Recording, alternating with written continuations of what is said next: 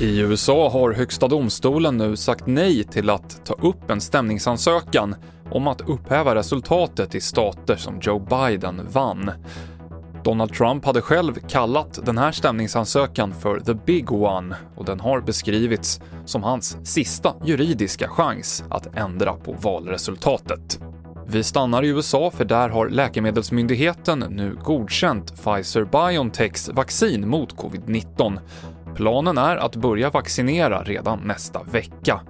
Det här vaccinet används sedan i tisdags i Storbritannien. Sammanlagt har drygt 15,8 miljoner amerikaner konstaterats coronasmittade och uppemot 295 000 dödsfall har rapporterats. Intensivvården i Region Stockholm är hårt pressad och nu ber sjukvårdsdirektören där privata bolag att låna ut sin personal för att man ska kunna öka antalet IVA-platser när det behövs. Det här var något som gjordes när läget var som värst i Stockholm i våras. TV4-nyheterna med Mikael Klintevall.